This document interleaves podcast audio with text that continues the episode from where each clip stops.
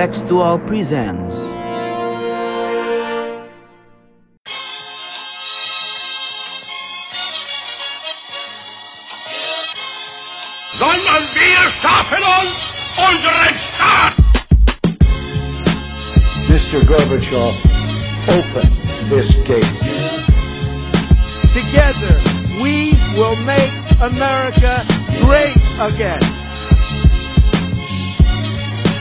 Sudah cukup bagi kita untuk mengatakan bahwa winter is coming.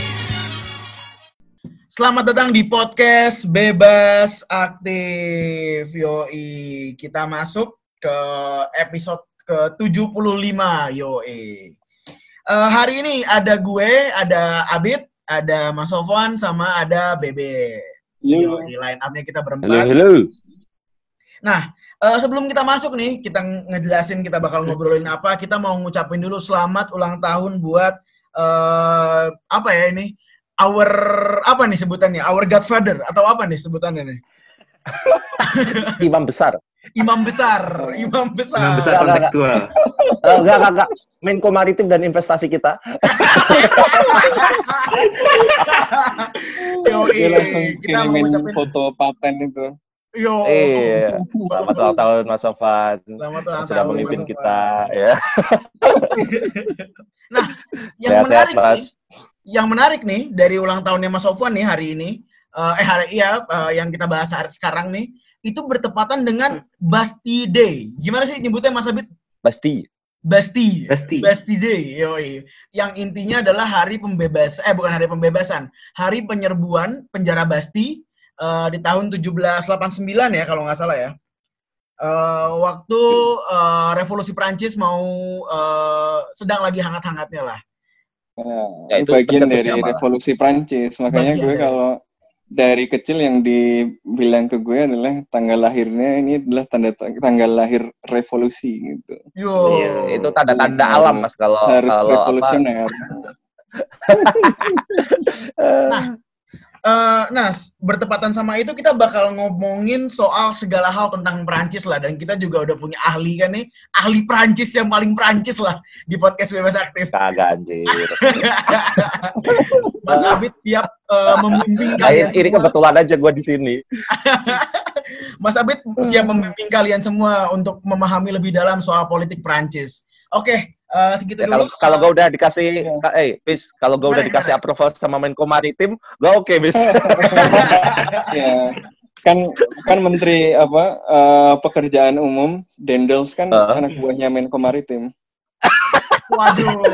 Dendels juga sekolah di Prancis terus pulang eh, pulang terus balik bikin republik di Belanda terus balik ke diutus ke Hindia Belanda jadi gubernur jenderal Nah, terus bangun Oh, jalan-jalan gitu. Oh, mantap.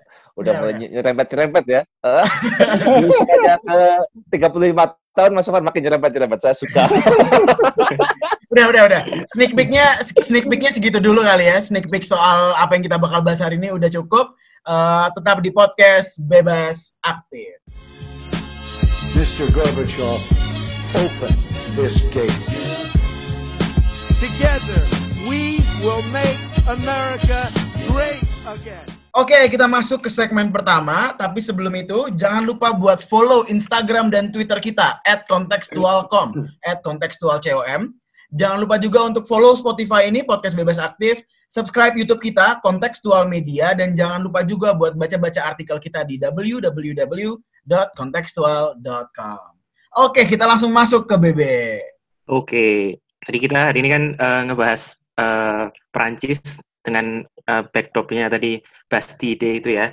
Eh, mungkin kita udah udah sering banget mendengar secara sejarahnya gitu ya. Eh, tadi juga udah dijelasin Hafiz sedikit. Yang tapi yang eh, mungkin luput dari pembahasan eh, publik gitu, itu kayaknya ideas dari revolusi Perancis itu sendiri dan bagaimana pengaruh revolusi Perancis eh, tidak hanya bagi eh, masyarakat Prancis, tapi juga bagi Eropa, dunia Barat, dan mungkin eh, komunitas internasional ketika itu dan hingga sekarang gitu. Nah, kebetulan kita hari ini ada anak kandung revolusi yaitu Mas Sofan. nanti nanti nulis buku juga anak-anak revolusi. Iya. Prancis. Aduh. Eh, Ya, kita juga ada lagi ada kedatangan eh, warga setempat gitu ya dari Prancis ya, imigran Prancis gitu ya. Kena rasisme nggak mas sana mas? ada lah cerita tentang Ada ya? rasisme dikit -dikit ya. Iya, Tapi nanti di, di belakang panggung aja lah, jangan di Iya. sini. Dan juga ada Hafiz, jadi yang yang juga demen sama politik Eropa. Jadi pas banget hari ini, mungkin kita langsung masuk aja eh, ke Mas Abid dulu kayaknya. Eh, kita tentu ya, kita tentu tahu ya Mas bahwa eh, revolusi ini penting banget gitu bagi bagi masyarakat Prancis gitu, bagi negara Prancis. Tapi sebenarnya sepenting Dan apa nggak sih? cuma buat Prancis nih, Hmm. buat seluruh dunia Iya. malah. apa apa yang perlu kita tahu pengaruh besar apa revolusi Prancis ini bagi eh, setidaknya Eropa atau dunia Barat dan kemudian komunitas internasional. Kalau gue kira sih sebenarnya ada sat- salah satu hal yang underrated eh, dari dari revolusi Perancis adalah faktor pendahulunya atau precipitating faktornya adalah bahwa sebenarnya ada revolusi sebelumnya yang terjadi yang menurut gue nggak kalah dahsyatnya ya ini revolusi Amerika kan. Hmm. Jadi di, di situ kan Ya, kemudian eh, di revolusi Amerika di situ tuh sebenarnya men- mulai me- memberikan tanda-tanda alam bahwa eh, akan ada revolusi yang serupa yang nanti akan terjadi di eh, Eropa. Karena di situ eh, ada keterlibatan eh, kerajaan Prancis juga waktu itu, Raja Louis waktu itu kan juga terlibat tuh di di, di revolusi Amerika itu Hmm, hmm, hmm. uh, pada beberapa uh, faksi di sana. Dan kemudian ditambah dengan ada jenderal dari sana uh, yang kemudian balik ke Prancis Jenderal Lafayette. Uh, terus ada lagi uh, faktor pendahulunya adalah uh, si Alexis de Tocqueville yakni sejarawan yang sejarawan Prancis yang dia jalan-jalan ke Amerika yang kemudian datang ke datang ke uh, Prancis balik lagi untuk nulis perjalanan dia ke Amerika itu kayak gimana sih Iya. untuk memberikan Dia nulis gambaran. itu juga ya, The First New Nation bukan sih? The First New Nation ya. Ya kalau nggak salah, gua gua nggak baca itu sih mas. Gua baca yang aku- demokrasi in Amerika. Oke. Nah, nah itu eh, mu- memberikan gambaran ke kalangan intelektual di Prancis bahwa demokrasi itu memungkinkan untuk dijalankan tanpa adanya tirani dari monarki dan tirani dari eh, dari kelompok agamawan kurang lebih kayak begitu. Lantas kemudian eh, waktu itu juga berkembang pemikiran-pemikiran yang udah mulai mendobrak eh, ide-ide yang dianggap klasik dan konservatif. Ada orang-orang kayak Voltaire, terus eh, Rousseau, Montesquieu eh, yang mulai memikirkan bahwa sebenarnya manusia itu hakikatnya kayak gimana sih? Sebenarnya meletakkan manusia di hadapan manusia yang lain itu kayak gimana sih? Sebenarnya hierarki antara raja dan rakyat dan kaum agamawan dan kemudian bangsawan itu seperti apa? Nah, kemudian eh, ide itu akhirnya meletus menjadi gerakan politik ketika situasi ekonomi di Prancis juga lagi turun-turunnya waktu itu eh, apa namanya di mana terjadi gagal panen terus kemudian kelaparan. Nah raja tetap memberikan pajak gitu kan. Jadi udah lapar dikasih pajak ya warga emosi gitu. Udah gitu kelakuan raja dan eh, permaisurinya juga rada-rada eh, ngaco gitu bahkan yang terkenal ini salah satu eh, kutipan yang terkenal itu ketika Marie Antoinette eh, permaisuri Raja Louis waktu itu kan mendengar kalau oh banyak warga kelaparan karena nggak bisa beli roti gitu. Nah jawabannya si Marie Antoinette itu adalah lo kalau nggak bisa beli roti ya makan aja makan kue?" roti tar gitu, makan kue Iya, gitu. Nah itu Makan kan kue. langsung tersebar dan itu kan memancing amarah publik. Yang kemudian Tapi itu akhirnya bukannya- meletuslah. Bukannya katanya hoax itu, eh, Bid. Rumornya kayak begitu. Nah, hoax atau enggak hoax, tapi waktu itu tuh menjadi apa ya? Menjadi menjadi kabar selentingan yang itu memicu gerakan, Hmm. memicu gerakan Hmm. politik di mana ya orang-orang akhirnya bangkit. Ya waktu itu menentukan hoax dan enggak hoax kan rada susah juga ya. Waktu itu kan enggak ada eh, informasi langsung dari enggak ada itu, enggak ada akun pseudonym di Anonim, anonim. at, at digembok gitu misalnya.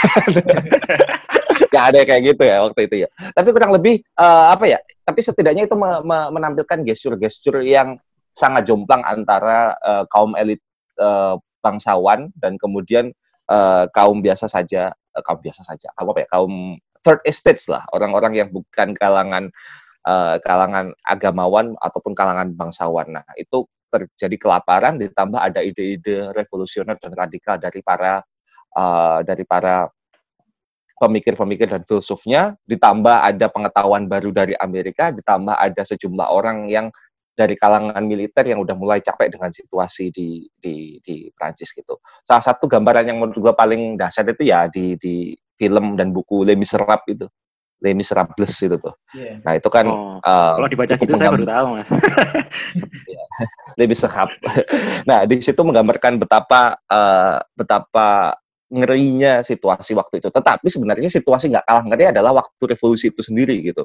Hmm. Charles Dickens dalam bukunya uh, uh, The Tale of Two Cities itu bilang bahwa this is the best of the times and this is the worst of the times. The best karena waktu itu ide-ide dan harapan itu bermunculan uh, ketika orang mulai memikirkan bahwa hierarki yang terlalu opresi, yang terlalu opresif bagi uh, para bangsawan, raja dan kaum agamawan terhadap uh, warga biasa itu itu bisa disingkirkan loh. Jadi orang itu memunculkan harapan-harapan kayak gitu, ide-ide segar di daratan Eropa bermunculan, tetapi di saat yang bersamaan the worst of the times. Karena apa? Karena waktu itu uh, terjadi terjadi kekerasan yang sangat-sangat banal, di mana nggak hanya revolusi itu kemudian menyerang Basti yang kemudian diperingati uh, jadi hari nasional itu, uh, tetapi juga hal-hal yang kemudian mengikutinya gitu, kayak ada guillotine, ada apa namanya pembunuhan di antara sesama persekusi yang luar biasa yang apa ya extrajudicial killing lah kalau zaman sekarang. Dan orang bisa sebegitu banalnya dalam melakukan pembunuhan dalam melakukan gerakan politik. Dan jangan dikira bahwa revolusi Prancis itu kemudian hasilnya itu langsung jadi prosesnya itu sangat turbulence bahkan eh, kemudian malah eh, walaupun hal positifnya adalah memberikan eh, dan menyebarkan ide-ide mengenai demokratisasi, ide-ide liberalisme, ide-ide kebebasan ke seluruh Eropa dan kemudian ke seluruh dunia, tetapi prosesnya sangat berdarah dan bahkan diakhiri dengan cara berdarah juga dengan cara Napoleon kemudian uh, melakukan serangan ke negara-negara tetangganya dalam dalam uh, pretext menyebarkan semangat revolusi Perancis. Gitu. Harga sebuah kemerdekaan, harga sebuah ide mengenai kebebasan itu nggak pernah murah, selalu mengorbankan banyak nyawa. Bukan begitu, Mas Alvan? Iya, eh, ini memang gambaran Bagus ya, eh, bridgingnya bagus ya. rasanya ya, ini kayak apa ya? Kayak lagi rapat malam-malam terus eh ini Ibu Pertiwi hamil tua gitu. Iya. Kayak lagi nyiapin sesuatu ini Abid jadi khawatir gue. Tapi gini, eh, menurut gue yang menarik dari yang diomongin sama Abid tadi adalah bahwa revolusi Perancis ini memang nggak bisa dilihat sebagai eh, satu momen yang terpisah dari rangkaian kejadian dan proses historis yang lebih panjang gitu. Jadi eh, kalau tadi Abid nyebut soal revolusi Amerika, tapi bahkan eh, barangkali revolusi revolusi itu revolusi Amerika, revolusi Prancis, kemudian apa yang terjadi di Karibia dan di banyak tempat lain yang pada periode yang hampir sama yang sering disebut sebagai eh, apa Atlantic Revolutions ya revolusi-revolusi Atlantik itu eh, ya ini bagian dari historis dan namanya proses historis ceritanya itu yang enggak linear dan enggak eh, sederhana yang sering kali eh, kita dengar gitu ya. Nah, kita sering dengar revolusi Prancis tadi memperkenalkan kepada kita ide-ide kebebasan seperti liberté, égalité, fraternité. Itu bacanya gimana sih, Bit? Biar agak Liberté, benar. égalité, fraternité. Sama. Liberté, eh, fraternité, eh, Égalité. eh, égalité gitu ya. Égalité, eh, Iya. égalité. Égalité. Yes, gitulah pokoknya. Lidahnya belibet gitu ya. Eh, nah, eh, tapi anyway, eh, ceritanya tidak sesederhana itu gitu ya. Eh, kalau kita lihat dalam rentang yang lebih panjang, ini sebenarnya eh, bagian dari proses yang sudah dimulai eh, apa eh, sebelumnya gitu. Jadi kalau kita lihat misalnya pas eh, tahun 1600-an gitu ya Eropa berada di dalam konflik yang luar biasa yang kemudian akhirnya diakhiri dengan eh, sebuah eh, kesepakatan eh, yang kita kenal sebagai perjanjian Westphalia ya. Nah, dari perjanjian Westphalia ini eh, dia mengkonsolidasikan kekuatan atau kedaulatan ke eh, entitas yang namanya negara. Nah, negara waktu itu masih berada di tangan eh, si raja gitu. Makanya salah satu yang pal yang apa mengarsiteki eh, Westphalia ini kan eh eh, Prancis ya, eh, si dengan uh, penasehatnya yang uh, terkenal itu yang musuhnya Three Musketeers, uh, Cardinal Richelieu. Oh ya Cardinal Richelieu, ya ya ya ya. benar benar. Jadi uh, Cardinal Richelieu ini uh, apa ya salah satu orang yang kemudian uh, mendesain dan uh, apa ya uh, membuat uh, perjanjian Westphalia ini memberikan kekuatan uh, dan landasan uh, bagi pemusatan kekuatan di tangan uh, raja gitu ya. Ini yang kemudian nanti membuat uh, pendahulunya Louis yang nanti dibantai pas revolusi Prancis itu menjadi raja yang kuat gitu. Maka dia dikenal sebagai sang raja matahari kan si uh, Louis yang kakeknya ini gitu ya.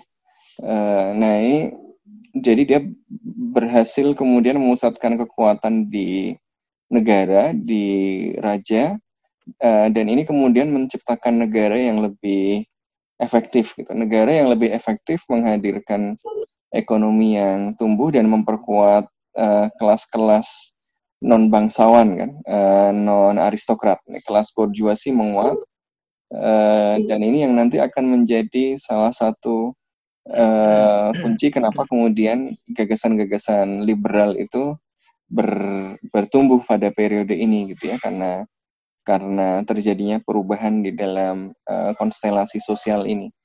Makanya uh, apa revolusi Prancis ini melanjutkan proses tadi. Kalau Westphalia ini menggeser dari kekuasaan yang tumpang tindih, kemudian dipusatkan kepada negara dan pada waktu itu raja.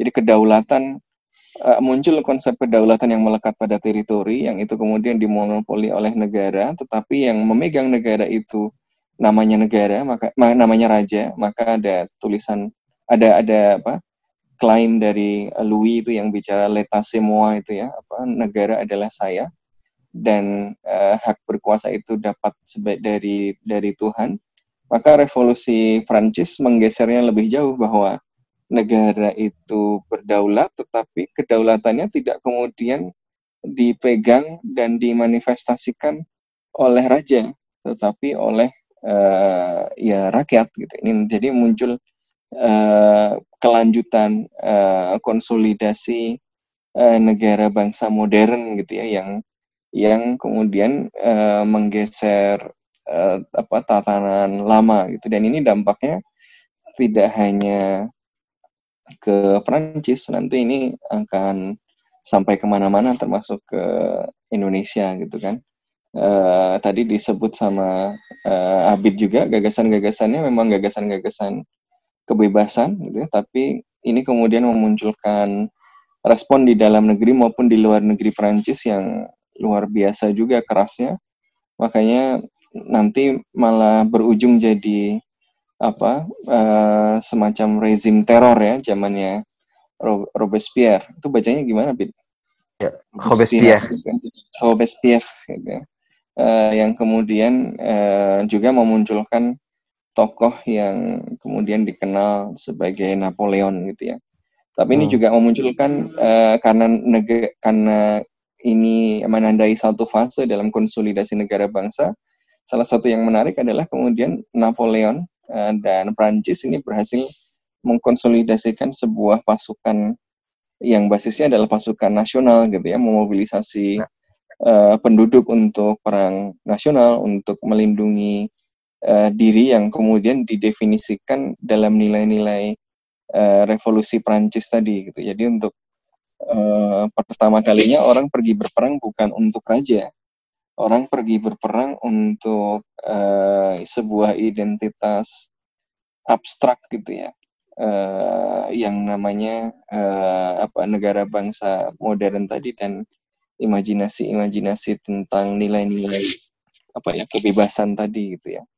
Yang kemudian termasuk salah satunya datang ke Belanda ada orang-orang yang tadinya kabur dari Belanda karena uh, mereka menentang ke diktatoran dari uh, Willem V ya. Salah satunya namanya Dendels.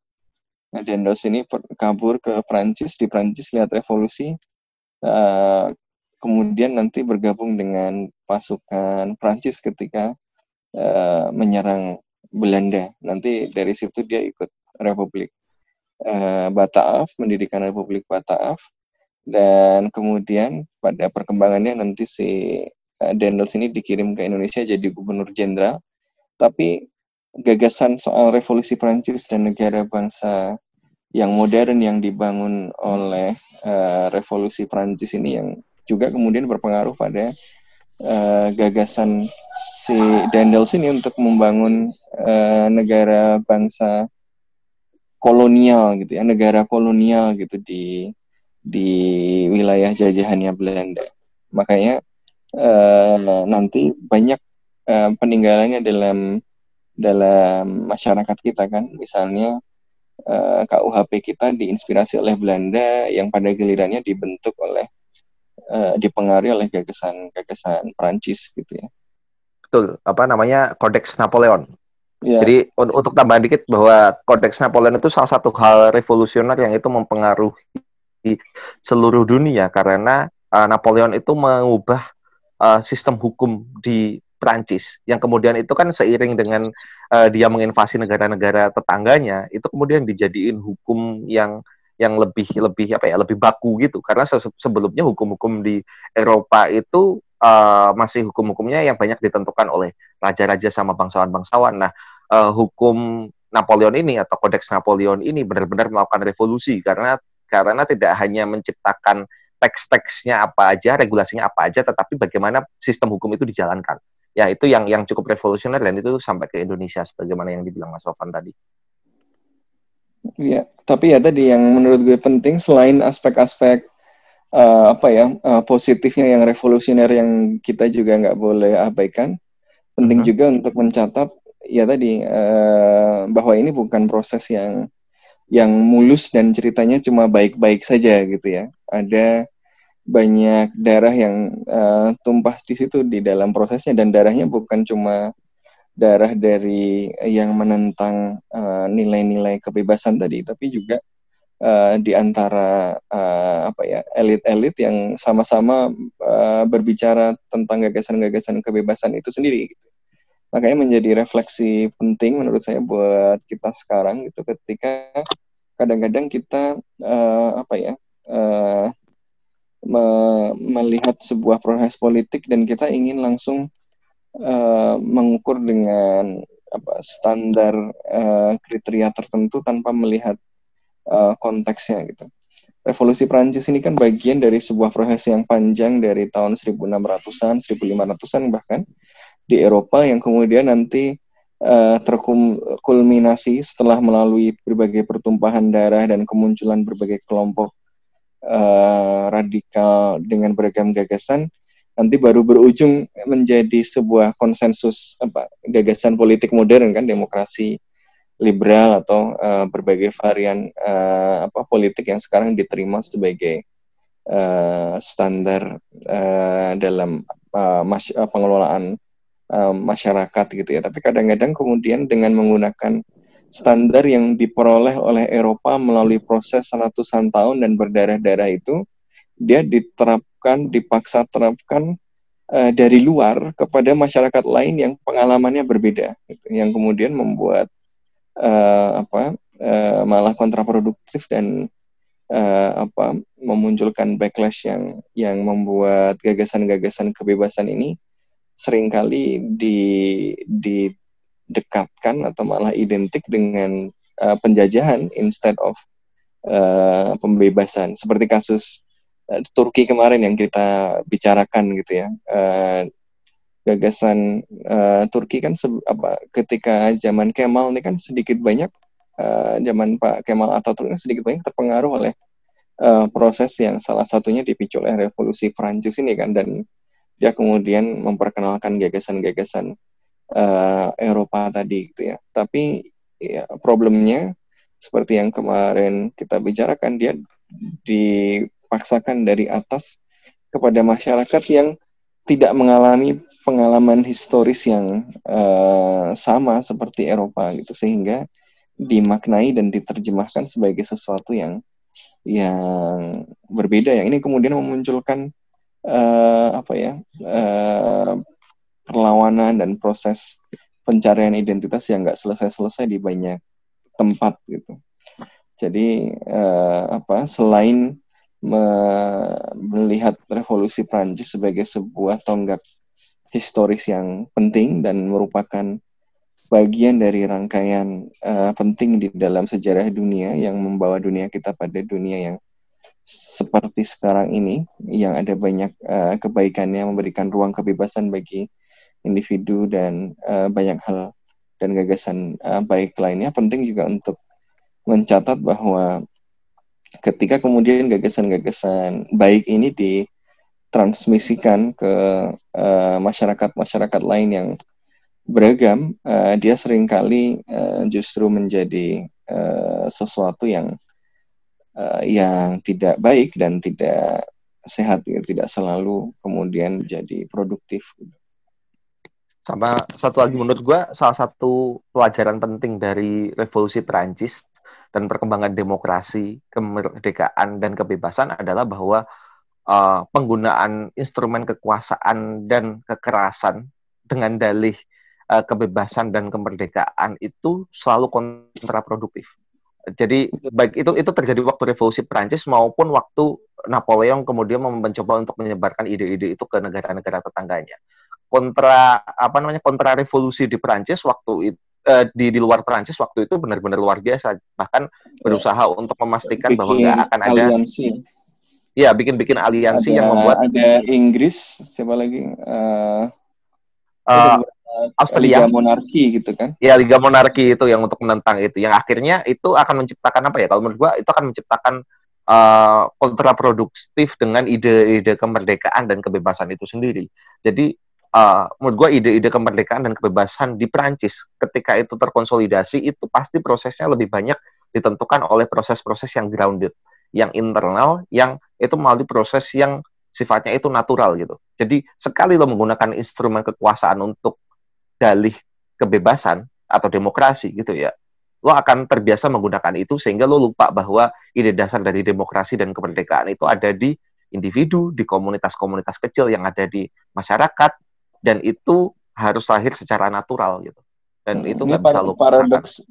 ini paradoks yang menarik sebenarnya ya yang iya. yang terus terjadi sampai hari ini ya. Misalnya kita memperjuangkan kebebasan tapi kebebasan itu tidak bisa uh, aman dengan sendirinya maka kita harus menggunakan kekuatan untuk melindungi demokrasi itu tapi dengan menggunakan kekuatan kita mengancam demokrasi itu sendiri gitu Hmm. Uh, jadi uh, ya memang apa uh, tarik menarik yang yang selalu menarik gitu dan banyak penguasa menggunakan dalil kebebasan padahal sebenarnya untuk kekuasaan saja gitu. Ya, ini uh, gue iseng-iseng ngeliatin uh, national anthemnya Prancis. Ini kalau gue baca-baca terjemahannya cukup kenceng juga karena kata-kata kayak gini kira-kira uh, against us the bloody flag of tyranny, terus ada kata-kata to cut the throats of your sons, uh, ada kata lagi their impure blood should water our fields. Ini benar-benar menggambarkan uh, yang tadi kita bicarakan itu ya diskursus paradoks kekerasan dan kebebasan gitu ya. Harga-harga yang harus dibayar dari uh, kebebasan revolusi Prancis ini. Dan itu yang membuat gue juga jadi kepikiran. Tadi waktu Mas Sofan sama Mas Abid bilang uh, tentang frasa uh, apa tadi? Uh, li, frat, uh, liber, eh, liberté, fraternité, égalité ya mas ya. Liberté, égalité, ya. Ini kan sebenarnya frasa yang uh, menjadi frasa kultural gitu, yang uh, legasinya sampai sekarang ada dan bahkan konon uh, menjadi inspirasi bagi revolusi-revolusi berikutnya, termasuk konon revolusi Rusia juga terinspirasi dari kata-kata ini. Indonesia juga. Oh begitu ya. Apakah, apakah revolusi mental juga mas? nah, ini ini uh, apa ya pertanyaan intermezzo sedikit nih. Jadi uh, frasa yang tampaknya sudah darah daging di Perancis ini apakah sebenarnya benar-benar menjadi tanda kutip ideologi yang sudah menjadi nyawa bagi orang-orang Perancis di sana, Mas? Ataukah ini ternyata uh, di masa sekarang digunakan oleh politisi setempat untuk misalnya dijadikan gimmick atau sebagai macamnya karena uh, di beberapa negara tertentu ya adalah sebuah negara gitu kan kadang hal-hal seperti ini tuh digunakan sebagai gimmick gitu Hmm, jadi badan uh, apa? Uh, badan pembinaan Liberté Égalité Fraternité gitu. itu Mas Ovan ada, ada, ada undang-undangnya nggak tuh badan BPLE uh, BPLE RUU haluan haluan ideologi fraternity. Haluan semangat revolusi. Uh, kalau sepengetahuan gue di sini sih ide mengenai liberté egality fraternity sih udah udah membumi banget ya kayak semua orang hmm. yang ditekankan itu ya ya tiga kata itu dalam nyari segala hal lah mengenai ide kebebasan, ide ke kesamarataan dan juga ide persaudaraan itu dan uh, itu memang juga selalu digunakan untuk politisi khususnya presiden ya dalam setiap hampir di setiap pidato pentingnya itu meng mengemukakan pentingnya liberty, equality, dan fraternity sebagai common ground dan ide-ide dasar dari dari apa sih yang disebut sebagai bangsa Perancis dan negara Perancis. Hmm. Dan liberty, equality, dan fraternity itu digunakan oleh oleh uh, semua politisi untuk melakukan check and balance satu sama lain kalau lo dianggap udah terlalu getting too far itu pasti pakai kata-kata itulah pakai pakai prinsip-prinsip itu untuk memastikan bahwa kalau misalkan kelompok kanan gitu ya uh, partai kanan yang terlalu berkuasa banget gitu ya terus kemudian uh, cara melakukan checkingnya adalah mengenai egalite gitu. Kan biasanya kan kesenjangannya makin tinggi. Begitu hmm. juga kalau uh, kelompok uh, kirinya yang udah mulai menguat banget gitu di dicek lagi gitu. Lo uh, ketika kiri banget lo bisa mengamankan liberty-nya atau enggak orang punya individual liberty atau enggak gitu dan itu dipakai oleh semua semua spektrum politik dan menurut gua uh, gimana mas? Ya itu juga sekaligus menunjukkan bahwa istilah-istilah uh, ini kan tidak netral ya dia ya. politically yeah. contested gitu dia selalu uh, dikontestasikan secara politis gitu ya dia dimaknai uh, sesuatu apa oleh banyak orang uh, dalam konteks yang berbeda-beda dan sering dipertarungkan gitu kan. Jadi kayak ya, ya. Uh, tadi kalau apa? Kalau kita lihat misalnya ketika misalnya Prancis melakukan liberty, mengatakan liberté, égalité, fraternité pun uh, bayangan mereka tentang liberté tentang siapa yang bebas lalu siapa yang uh, boleh uh, apa ya dipandang equal dan siapa yang dipandang sebagai saudara ini kan juga imajinasinya tidak melingkupi seluruh dunia gitu kan. Uh, misal ya mereka masih terlibat dalam penjajahan. Napoleon menjajah uh, apa uh, Mesir ya. Uh, kemudian negara-negara Eropa masih berkontestasi untuk memiliki kolonial uh, possession gitu ya. Bahkan ketika ide-ide liberal uh, pasca revolusi Prancis ini juga terkonsolidasi uh, apa ya uh, mereka juga ma masih tidak mengextend ini di di luar imajinasi mereka untuk masyarakat yang yang beradab gitu. Jadi masyarakat yang belum beradab ini belum memenuhi kriteria ini gitu dalam pandangan mereka gitu kan.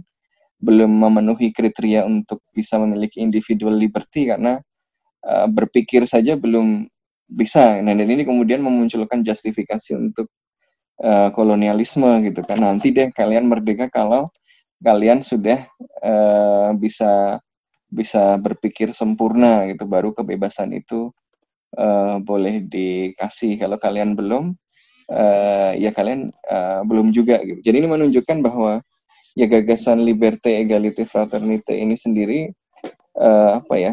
Dia punya punya makna yang yang dikontestasikan terus-menerus. Makanya uh, apa sekarang ya beragam kelompok masih mencoba memperluas atau menyempitkan atau menganankan atau mengirikan uh, makna dari gagasan liberté, égalité, fraternité ini gitu ya kayak Pancasila juga gitu. Uh, ya mirip-mirip di Indonesia juga kan mas ketika kelompok apa ya uh, eh, kelompok sekuler nasionalis nggak nggak tepat juga sih sebenarnya kata-kata ini ya tapi ya ya kita tahu lah we got, we got the concept yeah, yeah. itu ketika udah mulai getting power too much itu dicek juga sama kelompok Islam gitu, yang dengan menggunakan bahwa kita harus kembali ke Pancasila gitu uh, yeah. dan begitu juga sebaliknya gitu ketika udah kelompok Islamnya yeah. terlalu menguat dicek lagi dengan mengatakan bahwa ayo kembali ke Pancasila jadi ya menurut gua to, to that extent menurut gua mirip banget sih cara cara bagaimana uh, political spectrum di masing-masing negara itu menerjemahkan ide-ide yang dianggap sebagai konsensus kebangsaannya itu ke dalam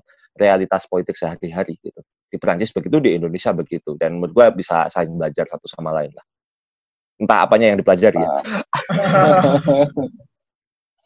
Tapi yang menarik juga menurut gue salah satu dari Prancis ini karena uh, ini ya pengalaman historis Prancis yang sangat konfliktual dan revolusioner ini uh, makanya memang apa ya konflik uh, sosialnya ketegangan sosialnya juga masih relatif uh, apa ya uh, bentuknya sering mewujud dalam bentuk ekstrim gitu. Misalnya uh, karena dia dulu menjadi salah satu pusat uh, monarki dan salah salah satu raja yang paling kuat kan uh, apa Louis si Matahari itu. Lalu juga uh, kepausan sempat di sana jadi gereja juga kuat sekali maka kemudian ketika muncul revolusi sebagai backlash atas kekuasaan ini uh, apa ya uh, mereka juga sangat kuat antinya kepada monarki maupun kepada uh, apa uh, peran agama di ruang publik gitu kan makanya sekularismenya Prancis ini kan juga muncul dalam bentuk yang paling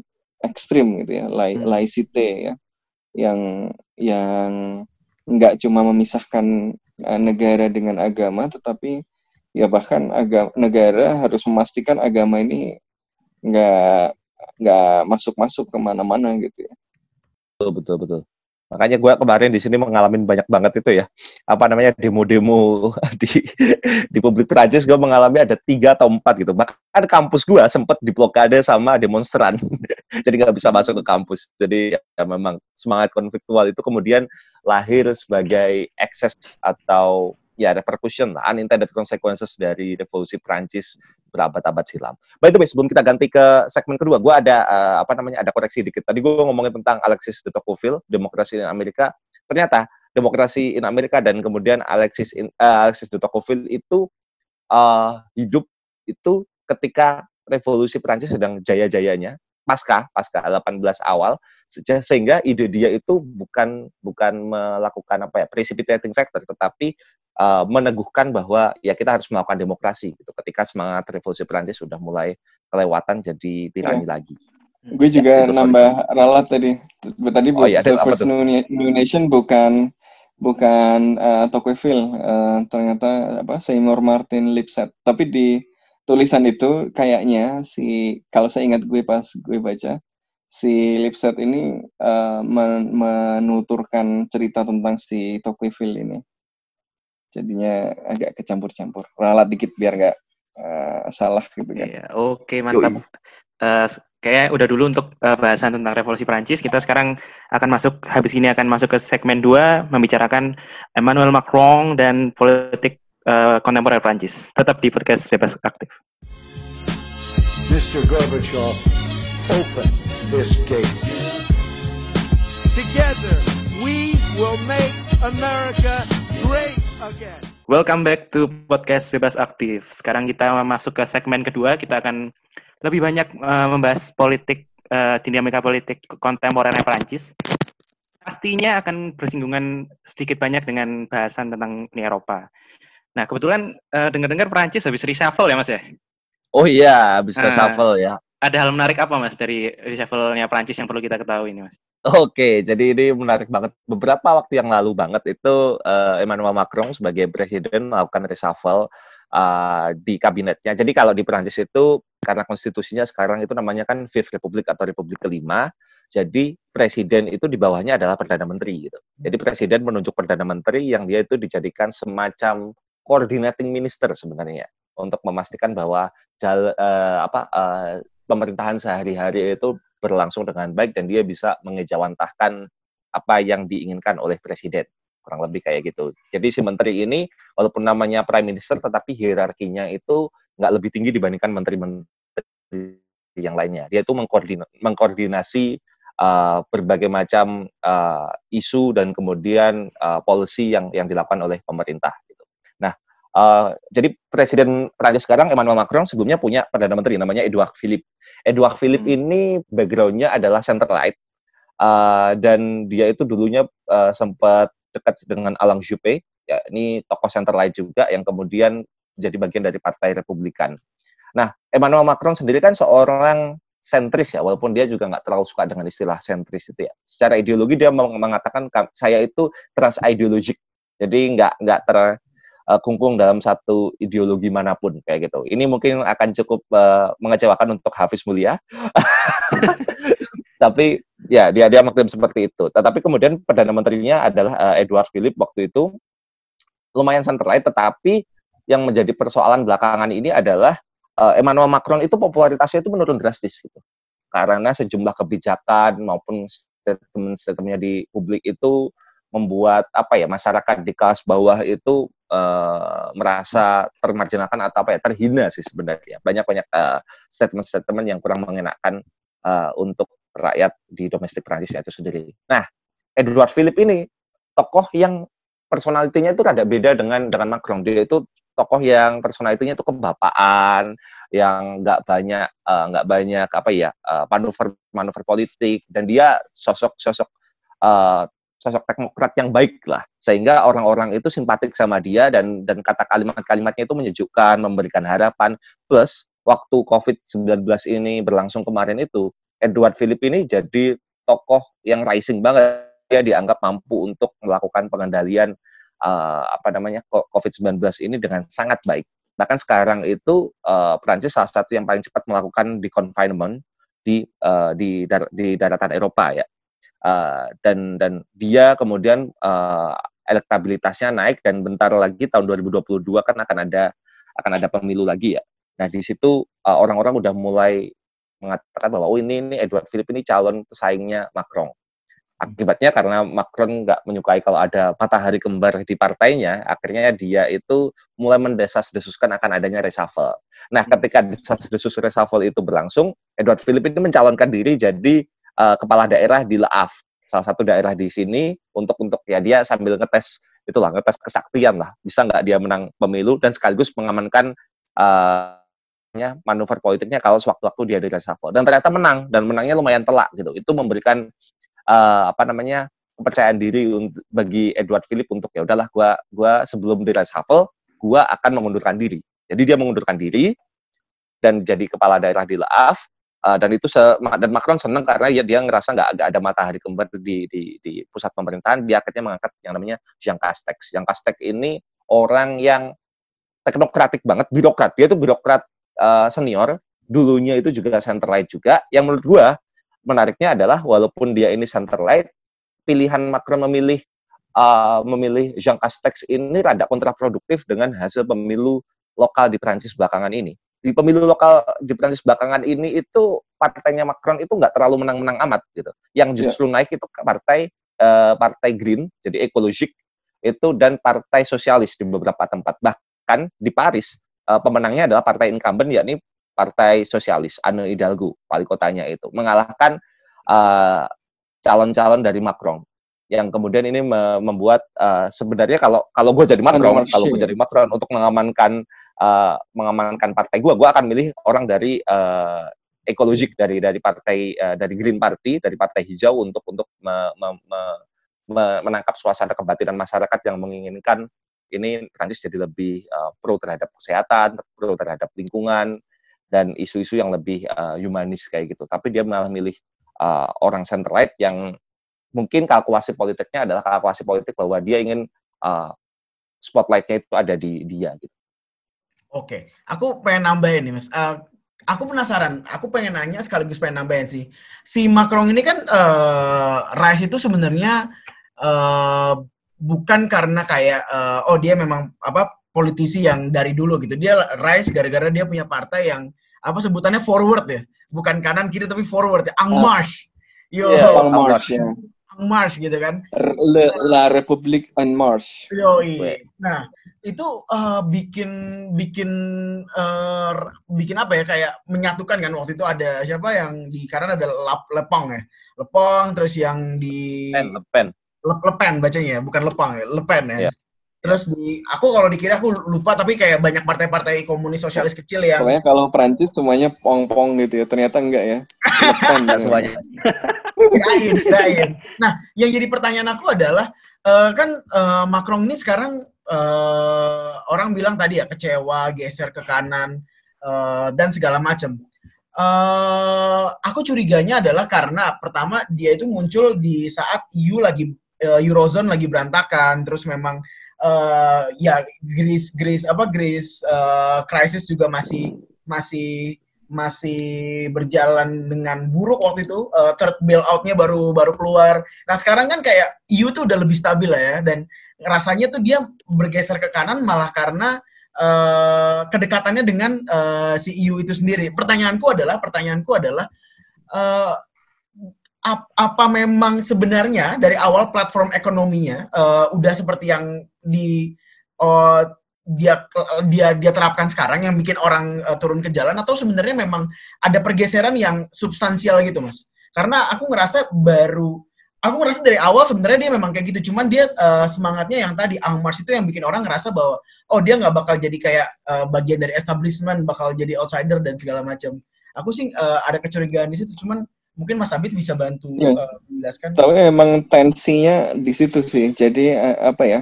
Salah satu yang dilihat sebagai apa ya? kekuatan sekaligus kelemahan dari eh, Macron ini kan eh, karakter dari gerakannya gitu ya yang dulu ketika dia membuat Marche ini dan ketika kampanye dia itu eh, basisnya sangat grassroots gitu.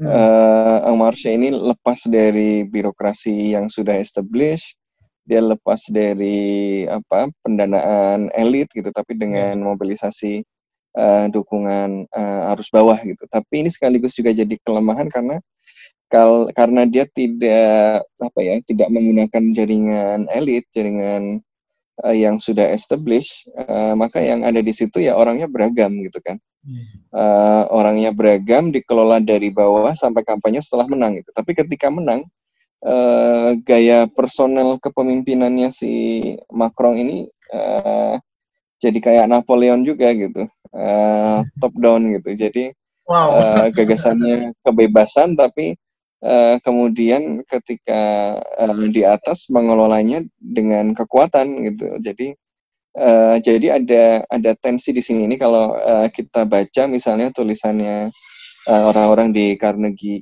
Carnegie Europe misalnya mereka eh, meng- menggarisbawahi ini salah satu eh, yang yang menentukan sustainability apakah Macron dan En Marche ini bisa bertahan lama ini eh, bagaimana dia bisa menyeimbangkan dua gaya yang berbeda ini gitu. Jadi France eh, eh, En Marche began as a grassroots movement eh, tapi kemudian ketika dia memimpin eh, Macron ini punya strong leadership dari top down eh, leadership gitu. Jadi ada tensi antara eh, karakter dari En Marche yang yang merupakan eh, gerakan yang berakar dari bawah dengan ketika dan ketika dia kampanye seperti itu setelah menang dipimpin dengan top down oleh Macron yang ini membuat basisnya juga nggak nyaman gitu loh orang-orang yang tadinya mendukung Macron juga jadi nggak nyaman maka kemudian menyalurkan dukungannya kepada orang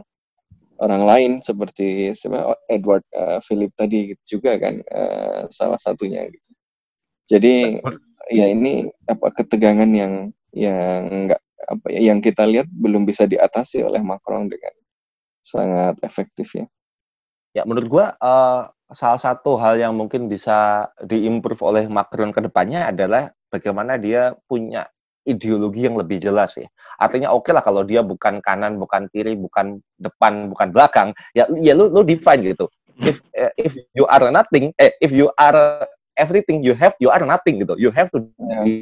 itu ada ada itu kayaknya yang pernah Nah. bilang siapa Uh, Malcolm X kan if you stand for uh, uh, nothing you you fall for anything Iya, iya. Ya. nah itu Nah, yang tadi menurut gua eh, seka- dia itu dia tuh udah udah mendapatkan apa ya? Salah satu hal yang yang berkah yang dimiliki Macron adalah dia punya personality yang kuat, dia punya leadership yang kuat, dia membangun eh, apa namanya kepemimpinannya itu surrounding his personality and charisma. Tetapi kemudian itu menjadi sulit diter eh, bukan sulit diterjemahkan ya, menurut belum diterjemahkan ke dalam basis-basis ideologi yang yang yang yang lebih kokoh gitu.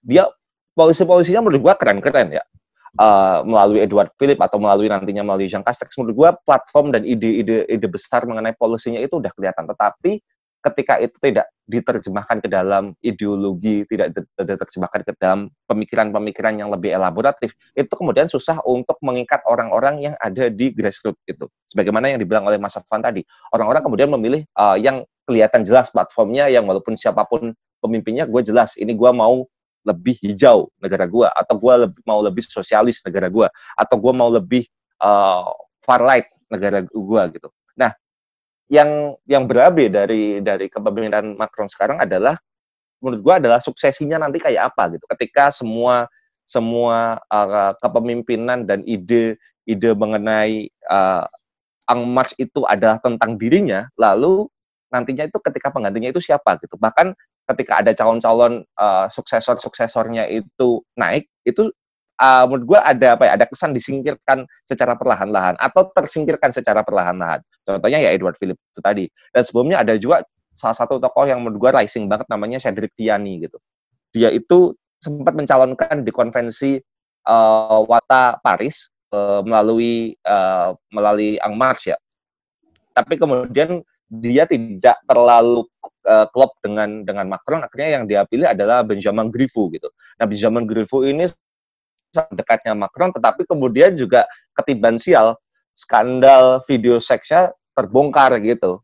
Ya, akhirnya dia mengundurkan diri gitu. Akhirnya muncul lagi calon yang namanya adalah Agnes Buzon uh, yang dia itu Menteri Kesehatan Prancis gitu. Nah, dia itu mengundurkan diri dan akan mencalonkan menjadi wali kota Paris ketika outbreak itu uh, outbreak uh, COVID-19 itu muncul gitu. Jadi dia seakan-akan tuh, lo kok malah cabut sih dari tanggung jawab lo sebagai Menteri Kesehatan, ini negara lagi goncang gini, lo malah mikirin politik di uh, Paris ini. Jadi yang kayak kayak begitu menurut gue jadi PR banget gitu ketika Macron membangun membangun ide mengenai Ang Mars itu di sekitar personalitinya dia dan dan kemudian dia nggak mau ada suksesor yang mataharinya sama bersinarnya kayak dia menurut gue akan susah juga selama dia nggak nggak nggak menjadi seorang ideolog juga yang mengelaborasi pemikiran-pemikirannya.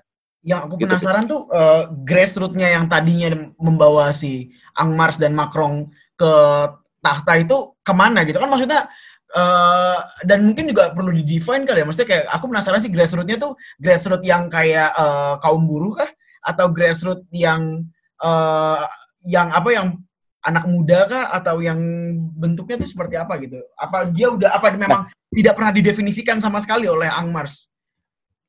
Nah, Jadi, uh, ini ini all ya. Ya, menurut gua menurut gua uh, dari interpretasi gua adalah ini uh, gerakan grassroots-nya sih catch all sih. Yang waktu itu semangatnya menurut gua lebih kuat semangatnya mengenai anti Le Pen daripada hmm. pro Macron itu sendiri. Oh. Jadi Iya iya aku baru uh, menurut gue diikat diikat dengan ada ada musuh gede ini namanya Le Pen yang kemudian itu berhasil uh, uh, apa namanya uh, mengkonsolidasikan relawan-relawan dari semua spektrum ideologi gitu. Akhirnya ketika semua spektrum ideologinya masuk dan itu itu kan ada unsur sosialisnya ada, unsur ekologiknya juga ada, unsur konservatifnya ada. Nah, kemudian ketika mereka bersatu dan kemudian apa namanya uh, makronya naik, akhirnya susah juga gitu. Yang mana yang mau di di di di provide gitu ya. interestnya, yang mau di, didengerin gitu. Akhirnya susah gitu. Dan di sini kan nggak bisa yang namanya bagi-bagi uh, jabatan jadi komisaris BUMN kan tidak bisa. BUMN ya. BUMN nggak banyak ya. jadi atau jadi menhan jadi, gitu ya. ya relawannya itu jadi jadi jadi disperse gitu jadi jadi tidak tidak susah terkonsolidasi lagi kayak sebelumnya jadi itu juga kemudian yang menarik adalah yang menarik gua yang menarik yang menariknya juga adalah bahwa kemudian kan kemarin ada gerakan Gilets jaunes tuh uh, yellow vest itu jaket kuning. Gerakan jaket kuning. Prancis itu itu seakan-akan jadi uh, ujian politik ya bukan seakan-akan ya itu ujian politik Macron menurut gua. Dan itu menggunakan ide yang sama dengan Macron gitu dalam tanda kutip yeah, ya. Yeah. Macron mengatakan bahwa gue itu lintas ideologi. Nah, Gilles Jaunes ini juga kayak gitu. Gue juga lintas ideologi. Gue ada dari kanan, ada dari kiri, ada dari partai hijau, ada dari mana-mana gitu. Gue yang paling penting adalah gue benci sama kepemimpinan lo gitu. Okay. Jadi ya itulah semangat Prancis itu selalu sifatnya tuh Hegelian gitu. Tesis, antitesis, sintesis kayak gitu mulu. Oke. Okay. Ini Eh, aku juga ada pertanyaan sih mas soal eh, Uni Eropa nih. Karena tadi aku sempat nyinggung soal Macron being, outsider ya. Dan ini nggak cuman nggak cuman orang warga Prancis sebenarnya. Eh, Europeans Europeans tuh ngerasa bahwa munculnya Macron tuh bisa menyeimbangkan kekuasaan Merkel lah yang udah mungkin ber- eh, di apa di EU kekua- eh, kuasa Jerman di EU yang 10 udah 10 tahunan berarti kan waktu dia rising tuh udah sekitar 10 tahun ya. Dan bikin eh, bikin kekhawatiran soal tentang eh, Jermanisasi EU gitu. Nah, so far tuh kayak gimana Mas? Merkel di eh Merkel kan, Macron di EU tuh apa beneran berhasil atau dia akhirnya jadi insider juga yang tunduk sama eh, Jerman itu sendiri? Ini dari ini dari dari pandangan dari pandangan Tori nih ya. Soalnya EU ini kan eh, pasti konotasinya negatif gitu kan. Jadi eh, gimana tuh eh, soal itu? Nah, menariknya menariknya Macron kan kalau di dalam negeri itu approval ratingnya atau daya eh, tingkat-tingkat persepsi penerimaan masyarakat terhadap dia itu cukup rendah ya di bawah 50% lah rata-rata. Tetapi kalau lo ngelihatnya itu surveinya itu eh, apa namanya seluruh Uni Eropa, dia itu yang kedua dan angkanya itu 70-an persen gitu. Jadi dia itu lebih diterima di Eropa daripada di negaranya sendiri. Gua itu, itu unik. Eh, Ini ini mirip sama seseorang nggak sih? waduh, siapa tuh? Oh, enggak, Gak tahu, gak tahu. Juga. ya approval ratingnya tinggi di luar kurang di dalam gitu ya nah oke kembali lagi ke pertanyaan Hafiz mengenai uh, bagaimana itu di Uni Eropa. Menurut gua salah satu uh, yang perlu kita apresiasi dari Macron adalah dia mampu meletakkan dirinya sebagai dalam tanda kutip pemimpin Eropa bersama dengan Angela Merkel gitu. Dan dia juga nggak pingin lebih lebih jago atau lebih terlihat lebih keren daripada Merkel juga. Dia membut- mem- menganggap bahwa eh, Franco-German leadership itu tetap penting bagi keberlanjutan EU karena secara de facto yang punya kemampuan ekonomi, kemampuan politik maupun kemampuan militer yang legitimate untuk menggerakkan mesin besar yang namanya Uni Eropa itu ya dua negara itu gitu. Di eh, di proposalnya Macron terhadap Uni Eropa, dia itu mengimajinasikan Eropa itu eh, dalam tiga kata gitu, yakni United bersatu, demokratis dan kemudian eh, satunya itu United, Democratic, satunya gue gue lupa apa nih. Bis tolong dipotong dulu bis, gue lupa bis. Oke, Eh, oke, oke. Hmm. yang yang bagian ini dipotong. Ya, oke, gue ulangi. Jadi yang menarik dari Macron ini adalah dia memberikan proposal menarik yang namanya itu Sovereign United Democratic Europe. Jadi Eropa yang berdaulat, lebih demokratis dan lebih bersatu gitu. Yang ide-ide ini didasarkan pada pemikiran dia mengenai sesungguhnya Uni Eropa itu menghadapi tantangan persatuan yang makin menurun, terus kemudian adalah dianggap menjadi less demokratik dan kemudian yang ketiga adalah menjadi kurang berdaulat. Gitu. Oke. Nah, eh, cara dia untuk meletakkan posisi Prancis adalah dengan memberikan ide-ide baru gitu. Dan dia cukup outspoken terhadap isu-isu yang selama ini dianggap tabu gitu. Misalkan mengenai NATO ya. Jadi EU dan NATO ini sebagai dua hal yang tidak bisa tidak bisa terpisahkan ya. Dia mengatakan bahwa eh, ide mengenai keamanan di Eropa Barat dan Atlantik itu mengalami brain dead gitu. Otaknya mati gitu, udah udah buntu gitu itu kan sesuatu yang sebenarnya tabu banget untuk dibicarakan karena dia pada saat yang sama itu mengkritik Amerika Serikat dan uh, Uni Eropa bahwa lo udah nggak bisa mikir uh, terobosan keamanan dan uh, pertahanan baru sehingga lo tuh bego semua, lo tuh stuck semua, nggak bisa memikirkan inovasi-inovasi baru atau kemudian ngomongin mengenai uh, apa namanya mengenai mi- imigrasi gitu. Macron mau mengambil resiko bahwa uh, oke kita ngatur mau mengambil resiko menggunakan kata-kata yang politically incorrect menurut gua. Yang itu membuat dia itu punya punya apa ya? menjadi oh ya pemimpin harusnya kayak gitu lo berani, berani mengambil resiko walaupun itu nggak populer bagi rakyatnya. Nah, kemudian pertanyaannya adalah bagaimana dengan eh, memposisikan Jerman? Eh, walaupun dia meletakkan dirinya itu sejajar dengan Merkel, tetapi dia juga berani untuk eh, bilang enggak ke Merkel. Contohnya yang belakangan ini terjadi dengan yang namanya Corona Bond atau eh, pendanaan dari Uni Eropa untuk untuk recovery eh, corona ini. Ini perdebatan sengit karena angka yang di, ditawarkan cukup tinggi. Nah, Jerman, Austria, Belanda, Finlandia dan satu lagi negaranya gua lupa itu ingin bahwa ya ini harus lebih konservatif dong dalam pencairan dananya harus banyak syaratnya doh. Macron itu bilang enggak enggak enggak bisa nih. Lo uh, gua bersama dengan Portugal, Spanyol, Italia dan negara-negara uh, di selatan ini mencoba untuk merecovery uh, ekses dari corona ini dengan lebih cepat. Dan kalau ini nggak cepat lo akan berhadapan dengan kebangkitan kelompok sayap kanan yang makin tinggi. Lo pilih mana? Gitu. Jadi walaupun dia hubungan secara personal baik dia meletakkan Merkel secara egaliter dan sama uh, sama tingginya kastanya tetapi dia juga berani bilang enggak kalau itu menurut dia nggak nggak oke okay juga. Nah ini menurut gue salah satu hal yang positif dari Macron. Siap, siap, siap, siap. Wah, oke okay lah. Mantap. Berarti, uh, nah Mas Abid, uh, kira-kira bakal kepilih lagi ya nih buat menutup bagian ini? Kira-kira bakal kepilih lagi nggak sih Macron? 2022, 2022, 2022 ya berarti. Hmm. Ya.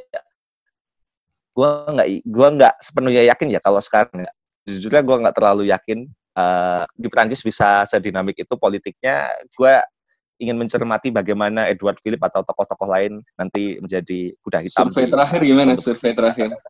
Survei terakhir tentu masih Macron yang paling kuat, tetapi kan uh, pada banyak kenyataannya kalau survei yang kuat itu belum tentu hasil akhirnya juga kuat.